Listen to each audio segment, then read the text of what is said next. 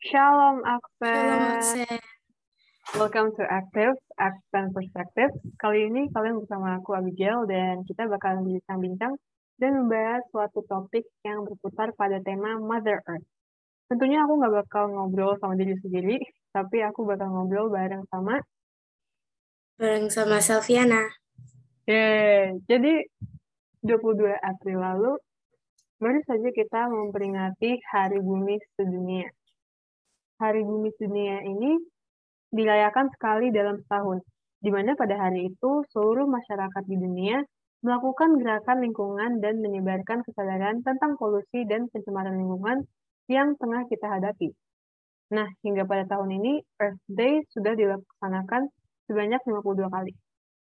Tema Hari Bumi pada tahun ini, tahun 2022, adalah Invest in Our Planet yang memfokuskan pada solusi untuk melawan ancaman terbesar yang kita alami, yaitu perubahan iklim.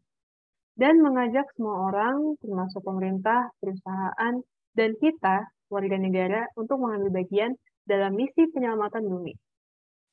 Nah, dalam aktivitas pencinta lingkungan, ada satu term yang sering banget kita dengar, yaitu Mother Earth atau Mother Nature. Menurut kamu, Mother Earth itu apa sih, San? Um, jadi Mother Nature itu atau kita sering bilang Mother Earth itu adalah sebuah perwujudan dari alam yang berfokus kepada aspek yang memberi kehidupan serta menjaga alam dan mewujudkannya dalam wujud ibu. Nah, kenapa harus ibu? Kenapa nggak ayah? Soalnya uh, ibu itu dipilih atas relasinya dengan kata sifat, kasih atau cinta. Kata ibu itu kayak berkaitan dengan pertiwi yang berarti bumi atau alam. Kayak ibu aja yang gak pernah meminta apa yang udah ia berikan, alam juga begitu, memberi apa yang dikandung dan dimilikinya kepada segenap makhluk hidup yang menghuninya termasuk manusia. Sebagaimana seorang ibu sejati, bumi tidak pernah meminta apa yang diberikannya agar dikembalikan. Lalu apa yang dimintanya dong? Sebagaimana seorang ibu, bumi boleh jadi cuma berharap agar anak-anaknya tumbuh dan hidup dalam kebaikan dan memanfaatkan semua yang diberikannya, juga demi kebaikan. Ia cuma meminta agar anak-anaknya tahu diri aja, menghargai pemberiannya dan tidak menyanyiakannya, serta menjalani hidup dengan penuh kebaikan dan berkeadilan. Untuk itu, kita harus mulai menjaga Mother Earth sekarang juga ya. Hmm, aku pribadi suka banget dengan kata Mother Earth karena itu tuh menggambarkan bumi sebagai ibu kita dan secara nggak langsung menjelaskan hubungan kita selaku anak dan bumi sebagai ibu yang senantiasa menyediakan kebutuhan-kebutuhan kita. Nah, dengan analogi Mother Earth, menurutku penting banget buat kita untuk menjaga Mother Earth, karena bumi sudah melalui banyak peristiwa yang jauh lebih buruk daripada kita. Planet tercinta kita ini telah melalui gempa bumi, gunung berapi, lempeng tektonik, pergeseran benua, gelombang pasang, kebakaran, erosi, dan perubahan iklim. Nah, kita ngerasa gak sih kalau belakangan ini suhunya itu makin panas dan gerah? Tapi di sisi lain, banyak daerah yang kebanjiran. Menurut peneliti, kalau kita nggak bergerak dan nggak melakukan apa-apa sekarang, kita dapat merasakan hal-hal berikut yang bakal aku sebutin di tahun 2050 mendatang. Ini ya, aku aku sebutin pertama kekeringan parah, di mana hanya orang kaya yang bisa beli air. Yang kedua, tenggelamnya kota-kota padat di dunia, termasuk Jakarta. Yang ketiga, bencana kelaparan merajalela. Dan yang terakhir, wabah penyakit baru yang bermunculan. Setelah mendengar hal-hal tadi, harusnya kita sadar bahwa bumi benar-benar membutuhkan penyelamatan sekarang juga. Kita sebagai manusia perlu menyelamatkan bumi untuk diri kita sendiri dan sesama spesies kita. Ini satu-satunya planet yang pernah kita miliki. Kebayang nggak sih kalau nanti beberapa tahun lagi kita menemukan spesies yang sudah terancam seperti koala, serigala, harimau, gajah, badak, paus, penyu, hiu, gorila, udah nggak ada lagi. Menyelamatkan bumi dan lingkungannya menjadi prioritas yang harus kita utamakan. Karena bumi sudah memberikan kita makanan dan air untuk menopang kehidupan makhluk hidup sering banget kita nggak sadar kalau sebenarnya kesejahteraan kita itu semata-mata bergantung pada bumi. Bumi memberikan makanan dan air untuk segala makhluk hidup. Makanya, ini merupakan kewajiban dan tanggung jawab kita untuk melestarikan dan merawatnya. Nah, aku udah punya list perbuatan-perbuatan yang selama ini nggak kita sadari kalau ternyata itu tuh merusak bumi. Oke, aku akan sebutin ya. Yang pertama, menumpuk kumpulan email yang nggak diperlukan. Nah, ini juga sebenarnya aku baru tahu akhir-akhir ini. Jadi dalam setahun rata-rata orang di negara maju itu menambahkan 136 kg karbon dioksida dalam jejak karbon dari email yang mereka kirim dan terima.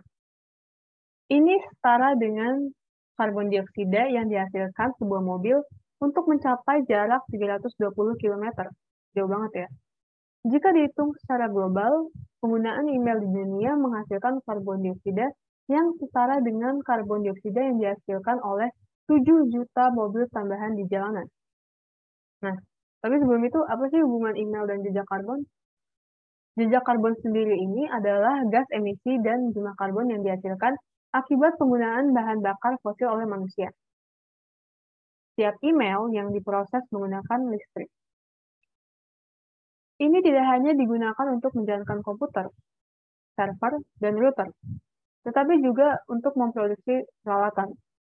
Nah, untuk memproduksi listrik yang mencakupi kebutuhan-kebutuhan tersebut, pembangkit listrik berbahan bakar fosil membakar bahan bakar karbon seperti batu bara, minyak, atau gas.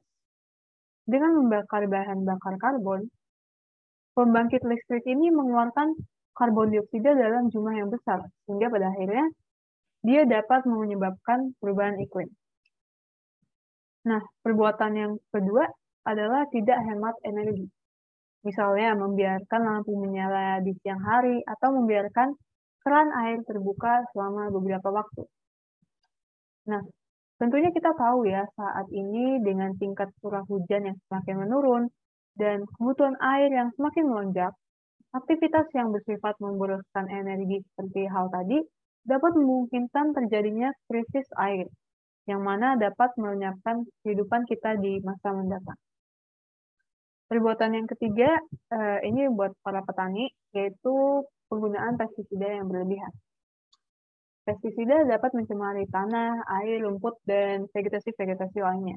Selain membunuh serangga atau gulma, pestisida dapat menjadi racun bagi sejumlah organisme lain, termasuk burung, ikan, serangga, dan tanaman non-target. Hal ini tentunya dapat berpengaruh pada keseimbangan rantai makanan dan ekosistem di bumi.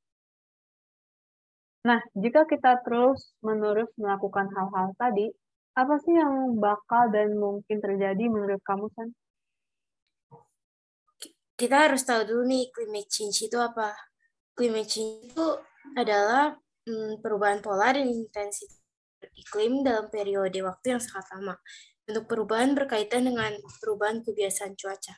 Penyebabnya itu uh, pemanasan global percepatan pemanasan global itu bisa terjadi akibat meningkatnya uh, konsentrasi gas dari rumah kaca di atmosfer bumi yang mengubah peran dari efek rumah kaca.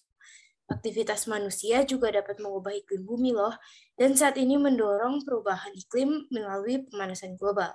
Perubahan iklim akan ber, akan berdampak pada peningkatan tinggi permukaan air laut, meningkatnya jumlah bencana alam, pergeseran rentang geografis, dan kerusakan ekosistem.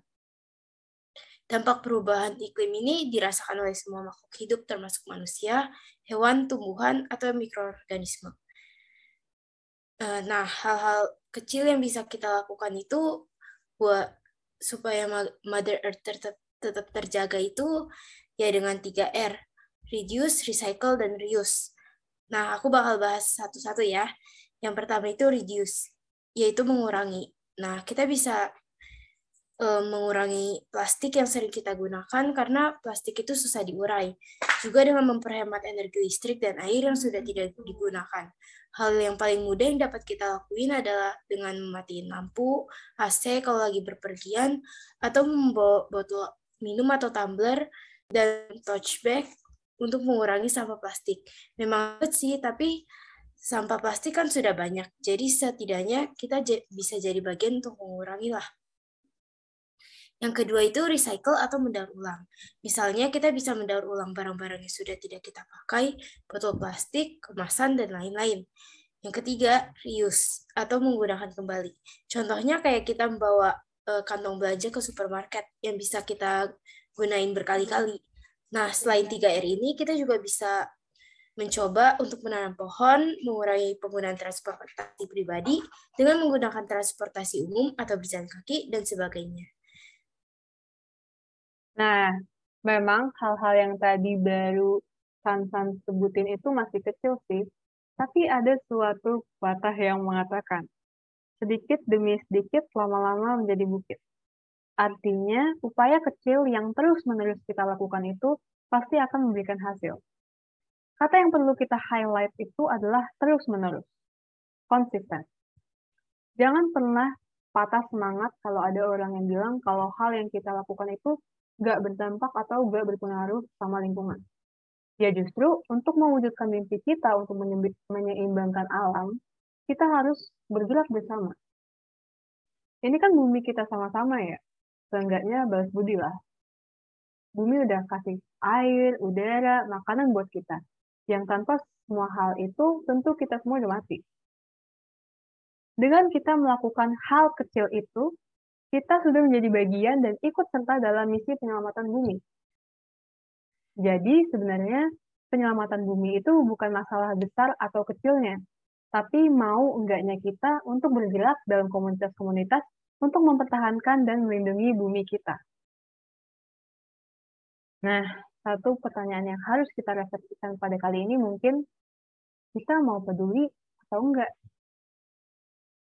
kita mau jadi bagian dari bumi atau enggak. Jadi, yuk kita bergerak bareng-bareng buat bumi kita, karena mencintai alam itu berarti mencintai keberadaan kita sendiri.